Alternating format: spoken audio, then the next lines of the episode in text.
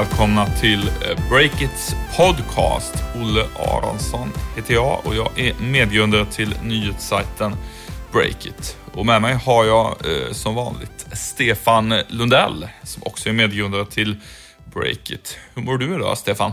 Jo då, men det är helt okej. Det har varit en intensiv, eh, intensiv start på veckan här med Fingerprint och allt annat. Så det har varit eh, långa dagar och intensiva dagar, men det känns bara bra. Och det känns ännu bättre att vi om några timmar högst ska få ut vår text om att vi ska rekrytera mer folk, mer reportrar in till breaket för att vi växer. Så det känns roligt. Så jag uppmanade folk förra veckan, och även den här veckan, om ni själva eller om ni känner till någon annan som skulle vara sugen på att jobba i det här Breakit-gänget så är det bara att höra av sig till, direkt till mig på stefan.breakit.se. Ja, eh, du i den här podden idag, vad ska vi prata om? Ja, idag avslöjar vi att den svenska lånesajten Smarta som omsätter en kvarts miljard kronor är till salu. Och så ska vi prata om det svenska pizzaupproret som kan ses som en början på en rad protester mot bolag inom delningsekonomin och andra tunga internetbolag här i Sverige. Mm. Men vi måste nästan börja och bara prata av oss lite grann om Fingerprint eh, Cards. Eh, för de som inte eh, känner till det företaget så är det alltså ja, ett svenskt techbolag i Göteborg som nu omsätter miljardbelopp med sina sensorer för fingeravtrycksigenkänning som sitter i en massa mobiltelefoner i Kina och så. Eh, det har ju hänt jättemycket där i veckan. Stefan, kan du redogöra för det mest intressanta? Ja, Fingerprint har ju blivit som ett fenomen här i Sverige måste man säga. Otroligt intresse eh, kring den, det bolaget och den aktien då. Folkrörelse nästan att äga aktier i Fingerprint. Ja, verkligen. Och det har ju varit väldigt lönsamt också. Det har gått upp med över 1000% här i år. Eh, flera nyhetssajter sände live igår när man då eh, kom med sin prognos för, för omsättningen nästa år. Det var det som allt fokus låg på. Eh, och vi hade faktiskt rekordtrafik när vi rapporterade om detta på olika, eh, olika vinklar. Eh, och det har ju skrivits mycket om det, men jag kan bara i en mening konkludera det som, eh, som Fingerprint eh, gick ut med. Och det är, I korthet kan man säga att de eh, rapporterar om en grym omsättningsökning under nästa år. Mellan 6,5 eh, miljard och 8,5 miljard var det va? Som de skulle leverera. Eh, ganska stort spann. Eh, det, I och med att det var ganska stort spann där och folk räknar ju med att de ska sälja mycket så var, det, var den siffran relativt väntad. Och sen så det som var nästan mest positivt i den här rapporten var att marginalerna, alltså vinstmarginalerna kommer att bli bättre i år jämfört med, eller nästa år jämfört med i år, eh, sista, halv, andra halvåret i år. Så det där är väl eh, det som, eh, som man satte mycket fokus på igår. Nu tror jag marknaden kommer titta ännu mer på, på vad blir liksom nästa tillväxtområde för, för Fingerprint. De, så precis som du sa så, så säljer de ju sjukt mycket utav sådana här sensorer till mobiltelefontillverkare. Men det nya stora tillväxtområdet är ju kort, korttillverkarna. Eh, och det flaggar de för i den här uppdateringen utav sin prognos. Eh, för att det under 2017 kan komma att växa till en ganska stor marknad. Eh, så det är väl, eh, är väl det som, eh, som jag tror att aktiemarknaden, om vi nu ska prata om den, fokuserar på framöver. Aktien har ju fått en liten sättning nu och kanske, kanske kommer mitt case som jag lanserade igår att Fingerprint kommer köpas upp av några av de stora jättarna. Eh, kanske kommer få lite näring med tanke på att eh, om kursen går ner lite grann så blir ju ett sånt utköp eh, mer attraktivt. Du, ett annat eh, bolag inom vår bevakningssfär som har varit i ropet de senaste dagarna, det är ju Widespace, som kanske inte är så känt för svenskar i allmänhet, i vart fall inte i den grad som Fingerprint är för många. Men vi använder ju indirekt Widespace-tjänster jättemycket varje dag när vi tittar på annonser i mobilen, där de är väldigt stora. De har ju också Northson som, som stor eh, tech-investerare. Men eh, några de inte har samröre med eh, längre, eh, till skillnad från Northson då, det är att Widespace inte längre har Bonnier som kund. Bonnier är ju Sveriges största publicist. Eh, kan du berätta hur betydelsefullt, eh, hur ja, positivt slash negativt det där är för Widespace?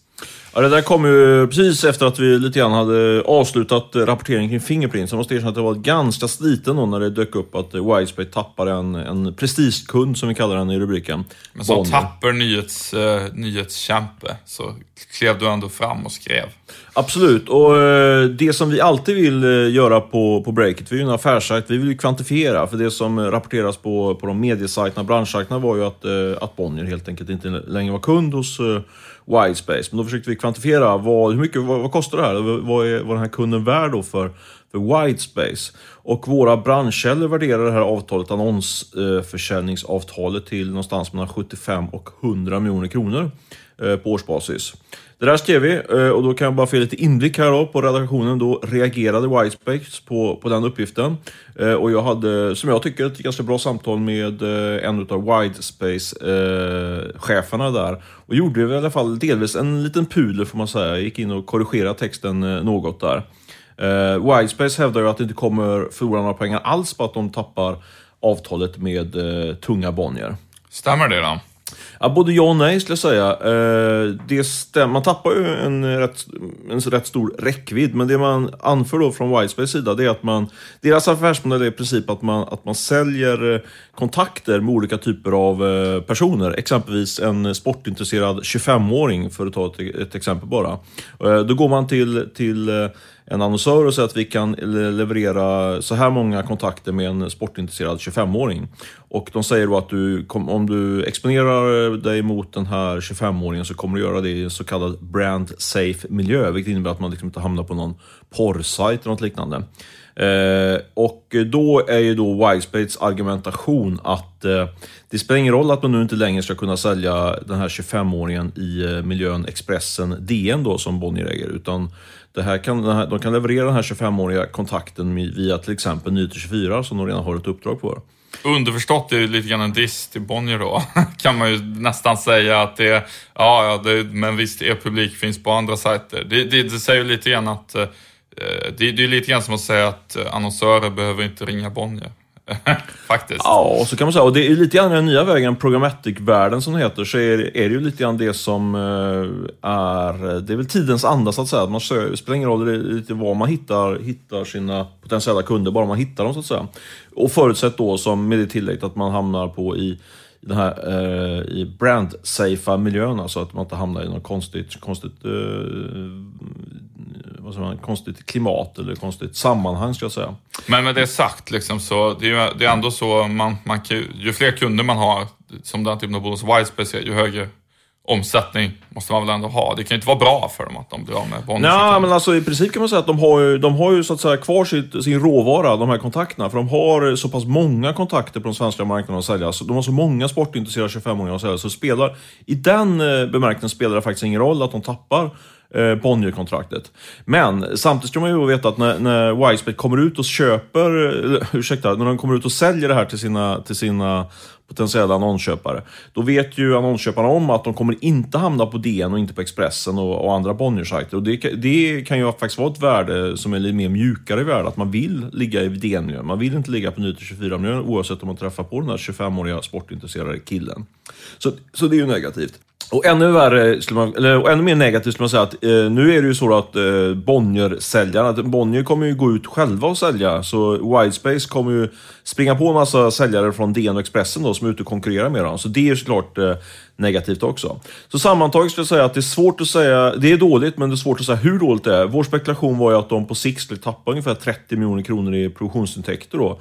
Eh, på de där 100 miljonerna som de förmedlar till Bonnier. Eh, men det är kanske svårt att slå fast en sån eh, hård siffra, men det vi kan vara säkra på är att de måste jaga in de pengarna på annat håll. Om vi när vi ändå pratar om Wisebet så fick vi ju en undersökning då från dem i veckan kring mobilannonsering. De är en jättestor mobilannonseringsförmedlingsaktör. Jag tyckte det var intressant den där undersökningen. Kan inte du berätta lite mer om det? Jo, uh, man kan säga Eh, för att komprimera budskapet den så är det så att eh, Whitespace har undersökt hur folk tar del av videoannonser i mobilen. Eh, och video i mobilen är ju lite grann det nya svarta kan man säga inom, inom annonsering. Och då för att folk ska ta del av det så ska annonserna då enligt den här undersökningen starta automatiskt de ska funka utan ljud, alltså det ska, folk ska kunna ha glädje av dem även om de inte hör något ljud. De ska bara vara 10 sekunder långa och själva budskapet, eh, reklambudskapet, det ska komma efter 3 sekunder. Det blir en utmaning för de kreativa människorna på reklambyråerna. Det, blir inte så, det ganska, känns som det är potentiellt ett ganska torftigt budskap. Typ, köp det här som man får med, hinner få med. Och du, och precis, så du måste då stå köp det här. Om någon säger det hjälper ju inte eftersom Nej, ljudet precis. ska kunna vara. Just det, just det. Eh, och det här, men lite liksom ehm, för att göra en ett snabbkokad analys av det där så kan man ju säga att ett, den här Facebook-modellen, eh, den, eh, det talar ju ändå för den. Alltså att man har klipp som är autostart utan ljud och som är ganska korta. Så som man ser Facebook-annonser i ens videoflöde. Eh, och ett annat företag som faktiskt erbjuder precis det här eh, är ju Snapchat. Vars, eh, det här är ju precis den typen av, av grejer som liksom passar att förmedla hos dem. Och på sikt också, tror jag, Twitter faktiskt, om de får ordning på att får igång videoannonsering i flödet på ett bra sätt. Um, hos publicister blir det ju lite krångligare egentligen med liksom hur det ska passa ihop i tv-program man kör och sådär. Uh, Men däremot så kan jag tycka att det faktiskt talar lite grann för att det är positivt för den gamla heliga banner-annonsen. För en video utan ljud, det är ungefär vad många bannerannonser är idag. Och som inte kräver något klick då heller för att man ska, de ska starta. Jag kan tycka att det är många som slår ner på bannern och sådär, men föreställ dig en banner som är ungefär som en, ja, en 10 sekunder lång video utan ljud som man ser när man surfar på en sajt. Det är väl, det är väl eh, så gott som något man ser i sitt Facebook-flöde egentligen. Det tror jag också. Alltså, jag tror att det där med bannerstöd är väldigt överdrivet. Eh, och eh, det är bara att se på, på de hårda siffrorna. De, det är en oerhört viktig intäktskälla för många. I de här adblocker-tiderna så kan det ju kännas som att det, det är någonting som inte kommer att hålla i längden. Men jag tror absolut att det kommer att vara någonting som kommer att finnas kvar med oss under ganska många år.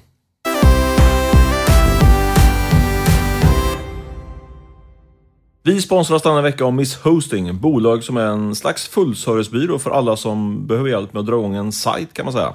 Precis, och Miss Hosting, de bistår ju med allt från inköp av domänadress, eh, som man måste ha i början, till hosting av eh, sajten. Och vill du ha mer information om Miss Hostings eh, erbjudande så rekommenderar jag dig varmt att gå in på breakit.se och klicka dig vidare på deras annons där. Eller varför inte, sök på Miss Hostings egenproducerade artikel på breakit.se. Ja, precis. De har ju producerat en sponsrad eh, artikel som handlar om varför det är affärskritiskt att prioritera sin hosting. Det tycker jag absolut du ska göra och med det tackar vi vår sponsor Miss Hosting för den här veckan. Tack ska ni ha! Stefan, du har ju nya spännande uppgifter om den digitala låneförmedlaren eh, Smarta. Eh, Smarta som stavas med Z, ska vi säga. Som eh, fram tills för bara några veckor sedan hette Freedom Finance. Berätta. Det stämmer, de är till salu. Det var det brittiska riskkapitalbolaget HIG Capital som köpte detta bolag i 2003. Eh, Rätt spännande bolag, lite dålighetsbolagen då får man säga. De har sin bas i Ängelholm. Det är kanske en orsak till att inte vi här från Stockholmshorisonten har järnkoll på dem. Uppfriskande. Jag som Absolut. har ursprung i norra Skåne kände direkt att jag blev... Jag hajade till när det stod Ängelholm i rubriken. Den här Ja, artikeln kom ut. man. Erik Paulsson kanske har lite koll också. Fastighetsmiljardären, han hänger, med där nere också, eller? Ja, i, ans- i närheten. Båstad, tror Båstad, jag kanske. precis. Det. Eh, så är det. Nej men de är till salu helt enkelt. Eh, och enligt mina källor, alltså det, de, det är ju liksom i grunden, från, när de köptes upp då från HG Capital så var de väl inte superdigitala. Eh, de hade, det var framförallt eh, telefonförsäljare som ringde runt och erbjöd, de här, erbjöd eh, lån. Men nu är de ju i högsta grad eh, digitala. Får väl ses som en en tuff konkurrent både till Lendo och eh, Compriser. Eh, och enligt mina källor så har, eh, har ett antal riskkapitalbolag börjat titta på det här bolaget och de har även kontaktat folk som kan tänkas vara intresserade av att gå in och, och ratta smarta om man tar över bolaget. Just det, de letar efter en ny ledning. Liksom. Exakt, det brukar vara en av startpunkterna för att man senare ska köpa ett bolag. Du, i en sån här bransch som ändå är relativt konkurrensutsatt, alltså ja, digital förmedling av lån. Eh, vad kan man få för ett bolag som Smarta? Alltså hur mycket kan man få betalt om man säljer det? Jag ska vara tydlig med det, jag har faktiskt inte hunnit gräva, gräva klart i det än. Jag kommer göra det här under eftermiddagen och skriva en artikel som publiceras på fredagen på breakit.se. Men eh, om jag så här lite grann från, ska skjuta från höften så ser man att de omsatte ungefär en kvarts miljard i fjol och gjorde faktiskt ett rörelseresultat på 32 miljoner kronor. Så jag skulle säga mellan en halv miljard, kanske uppåt en miljard kan man få för det här bolaget. Eh, jag kan vara lite fel ute nu i multiplarna, men det är, det är en stor pjäs som är ute till försäljning nu. Du, eh, intressant tycker jag att fundera på om eh, någon annan aktör i samma bransch, eh, kanske en, jag vet inte, lånejämförare i en, ett annat land eh, som vill göra en inbrytning i Sverige skulle vara intresserad av att köpa det där. Det är ju rätt hård konkurrens och det brukar ju bädda för att olika enheter slås ihop till till större enheter. Något, ja, det ser man ju i, i bransch efter bransch att det är så. Absolut, vi får se. Jag tror att det kan bli... Eller jag är helt säker på att både riskkapitalbolag och så kallade, alltså så kallade finansiella aktörer och men även industriella aktörer som, som vad vet jag, Lendo eller Compriser i alla fall tittar på det här bolaget. Vi får se. Jag kommer att följa detta noga. Stefan, har du hört talas om det svenska pizzaupproret? Ja, det har jag numera, men inte för ett par timmar sedan. Men eh, nu har jag läst eh, en utmärkt rapportering i eh, Göteborgs-Posten om detta pizzauppror. Jag gissar att du ska prata mer om det här att pizzabagarna som nu lämnar online-pizza i protest Precis. mot de höga avgifterna. Exakt. Uh, utmärkt rapportering av GP uh, eh, kring det där. Uh, mitt gamla husorgan GP från när jag bodde i Göteborg. och väldigt kraftfulla uttalanden från pizzabagarna. Det är en person som säger Vi har blivit som slavar. Ordagrant citat. Ja, det låter, låter tufft. Eh, men vad vet jag, det är säkert hårda, hårda villkor som de erbjuder de här Pizza Online. Eh, vad är de missnöjda med specifikt med? Jo, eh, jag ska citera Kemal Rashid som äger Jakobsdals pizzeria. Den ligger i närheten av nöjesfältet Liseberg i Göteborg. Och han säger så här till GP. I början betalade jag 6% Nu senast var det 11 men utan att säga något höjde de till 13 procent plus moms. Nu planerar de att höja till 15 procent nästa år. Eh, Online Pizza har då, ska vi säga, dementerat den här påstått, den sista av de här, eh, den påstått planerade prishöjningen till 15 har de eh, dementerat.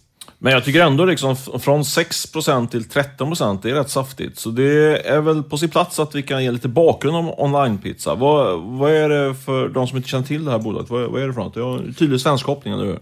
Verkligen. Eh, eh, det är ju lite av en eh, smältdegel ordvitsen är helt medveten där, eh, för svenskt entreprenörskap. Eh, eh, Online Pizza, det grundades av en grupp entreprenörer i Linköping. En av dem var Erik Byrenius som är nu profilerad affärsängel på startup-scenen här i Stockholm. Uh, Online Pizza såldes uh, till tyska Delivery Hero. Jag vill minnas att det var 2012 det såldes. Uh, och Delivery Hero är i sig en sorts online pizza-klon som startades av en svensk, Niklas Östberg. Och det startades då från början i samråd med Online Pizza, kan man säga lite förenklat. Men det ledde sen till att Delivery Hero köpte upp Online Pizza och nu är alltså då den här svenska verksamheten en del av världens största eh, koncern, eh, Delivery Hero, inom leveranser, eller förmedling ska vi säga, av färdigmat. Eh, det är ett, det är ett enormt bolag som Niklas Östberg har byggt upp. De omsätter, eller inte omsätter, de värderas till 26 miljarder kronor ungefär. Och jag funderar lite grann på Erik Burenius där som vi, både du och jag har träffat flera gånger. Eh, undrar hur han känner sig? Känner han sig bekväm med det här med att, eh, att eh, den här kritiken framförs? Liksom? Det är ändå hans gamla skötebarn. Jag vet också att han är fortfarande aktieägare i, i den här stora koncernen. Vad tror du? Ja, det, vad han mm, tror, det, ska jag nog inte spekulera om. Men det kan vi göra. Kan ja. vi göra. Nej, jag, ärligt talat, jag har faktiskt... inga frågor helt enkelt. Det, det får jag, men jag, helt ärligt, just det har jag ingen aning om. Nej. Men eh, det är väldigt intressant där tycker jag, att det här, den här typen av protester dyker upp eh, gång efter gång i den här typen av plattformsföretag. Eh, det är ju så att online pizza, de bakar ju inga pizzor. utan de förmedlar våra pizzor, ungefär som hotels.com som förmedlar eh, hotellboende utan att själva äga några hotellfastigheter. Eh, och jag tror att det här bara är det första i en kommande lång rad av uppror mot internetbolag i Sverige. Eh, vi lär få se flera liknande diskussioner mellan små entreprenörer och frilansar och då på andra sidan stora sådana här förmedlings och plattformsbolag. Och du har till och med skissat några rubriker som vi kommer att se de närmaste månaderna eller kanske åren. Exakt. Dra ja, jag, har, jag har några rubriker här. Se om du har täckning för dem. Städare i uppror mot Tidy App. Hotar med strejk. Uh, en given då, uh, annan som vi kommer få se, är Taxi Stockholm lockar Uber-chaufförer med högre bonus om de byter bolag. Det var lite lång den rubriken, men uh, spännande innehåll. Den här är lite mer komprimerad då. videokändisar hotar YouTube. Man har flyttat till Aftonbladet TV. Just det. och sen min personliga favorit. Bokföringsbyråer bryter sig loss från Mr Shoebox, bygger egen app. Um, och sen så har vi redan sett en annan diskussion som, som liksom ständigt är igång som är eh, inte delningsekonomi, men eh, väl liksom konflikt mellan, vad ska man säga, den som skapar själva kärnprodukten och den som distribuerar den. Och det är ju diskussionerna mellan Spotify och musiker, där musiker hotar att liksom bara finnas på Apple Music och, och så. Men vad, är, vad, är, vad står det här för då? Vad är, om du skulle liksom analysera dina rubriker och orsaken till att du tror att de kommer att, kommer att eh, synas kanske på breaket framöver? Kärnan i alltihop tycker jag, det är liksom att internetlogiken har förändrat hur, eh, eh, vad, hur monopol funkar. Traditionellt har man ju pratat om att monopol det är dåligt för konsumenten. Eh, och i och med Google och andra företags intåg så har det lite grann förändrats. Så att konsumenterna gillar att det bara är en sökmotor man går in på. Man behöver inte ha någon annan sökmotor. Det är rätt bekvämt. De som tycker att det är jobbigt med monopolliknande situationer, det är liksom de små entreprenörerna, i Googles fall typ e-handlarna, som måste betala, ja, de, de kan inte liksom säga att ja, men då går vi bara till Yahoo istället för att konsumenten använder bara Google i de flesta fall. Um, och Det här går ju liksom igen, man vill bara ha en pizza-app, typ online-pizza. Man vill bara ha liksom bara Airbnb för boende och så vidare. Konsumenten tycker det är skönt att det inte är konkurrens mellan olika plattformar. Men vad blir, vi, vi är ju en affärssajt och affärspodd. Vad, vad blir den affärsmässiga konsekvensen av det här då? Det blir lägre marginaler och tuff lönsamhetspress för den som är, ja, levererar liksom råvaran i någon mening. Oavsett om det är musik man liksom distribuerar via Spotify eller eller om det är um, journalistik. Ja, hotell, journalistik via Facebook, Instant Articles. Alltså det är, någon ska ju in och, och skära emellan där så att säga. Och om det inte finns, i fallet med Spotify speciellt då i och med att det finns flera konkurrerande aktörer. Alltså det finns Apple Music och, och Deezer och Spotify och några till. Men om en aktör får den här typen av monopolliknande situation som online-pizza eh, har haft, eh, då kan man väl säga att eh, då, är det, då är det hårda bud för den ja, lilla medieföretaget, pizzabagaren eller vem det nu är. Den får pressade marginaler, eh, e-handlaren och så vidare. Um, så det är ju konsekvensen. Och då den här typen av um, av uppror där. Ja, jag vet inte, nu är, här ser vi ett exempel på, mm, det är ju 44 stycken pizzabagare som, som byter till konkurrenten Pizza Hero för att de är trötta på höga avgifter. Uh, intressant, måste jag säga. Vill få mer, se mer av det här. Innan vi avslutar den här podden så måste vi eh, lyfta på hatten och säga någonting om de här, alla de här fantastiska initiativen som just nu tas runt om i landet bland bland techpersoner eh, för att hjälpa flyktingarna som kommer till vårt land just nu. Det känns jättebra. Verkligen. Eh, det är, jag får ju mail varje dag, känns det som, om någon som tipsar om att de har något sånt initiativ på gång. Och även om vi inte eh, rapporterar om alla de där initiativen på breakit.se så är jag noga med att verkligen svara på alla mail och uppmuntra Eh, men nu ska man säga att jag har gått in lite grann i nästa fas med det där. Det är um, lite mer verkstad. Uh, ja, det, det har lett till en hel del resultat och inte bara snack om vad som ska komma. Uh, ett exempel är att uh, Tobii, techbolaget som sysslar med ögonstyrning, de har börjat rekrytera syriska asylsökande. De letar efter teknikkunniga sådana personer. Eh, ett annat exempel är att vid ehm, Hack for Refugees i Göteborg så utvecklades en app, eh, en tjänst som heter Helping eh, Occasionally som ska matcha ihop privatpersoner med frivilligorganisationer efter behov. Så man ska kunna styra, ja imorgon skulle vi behöva två personer här till att hjälpa flyktingar med det där och så vidare. Förmedlingsplattform för det. Och sen förstås det kanske mest uppmärksammade då är appen Welcome som är byggd av bland annat en utvecklare på Schibsted som heter Kim Wik som eh, jag tycker har eh, en smart funktion, eller det finns flera funktioner i den. Bland annat så ska flyktingar på, eh, om jag förstår det rätt då, vilket språk de vill nästan, kunna ställa frågor och så kan vanliga svenskar gå in och, svara på de här frågorna. Och svenskarna kan också bjuda in flyktingarna till olika aktiviteter och så på, på lämpligt språk via den tjänsten. Jättebra tycker jag. Det tycker vi verkligen och som sagt det är en lång rad med olika initiativ här som, som vi får ta del av och många andra eh, får ta del av mer konkret än att vi läsa om dem. Väldigt bra initiativ tycker vi av hela Tech-Sverige. Fortsätt så. Eh, det har blivit dags för mig att eh, runda av den här inspelningen utav podden. Breakits podcast. Den har klipptes ju och spelades in som vanligt utav Beppo ljudproduktion. Och Eh, gå, glöm inte bort att gå in på vår sajt även på till helgen då vi lägger ut en massa spännande material, bland annat en lång helgintervju. Eh, den ska ni läsa. Eh, I övrigt får ni ha en jättebra helg. Ha det så bra. Hej då! Hej!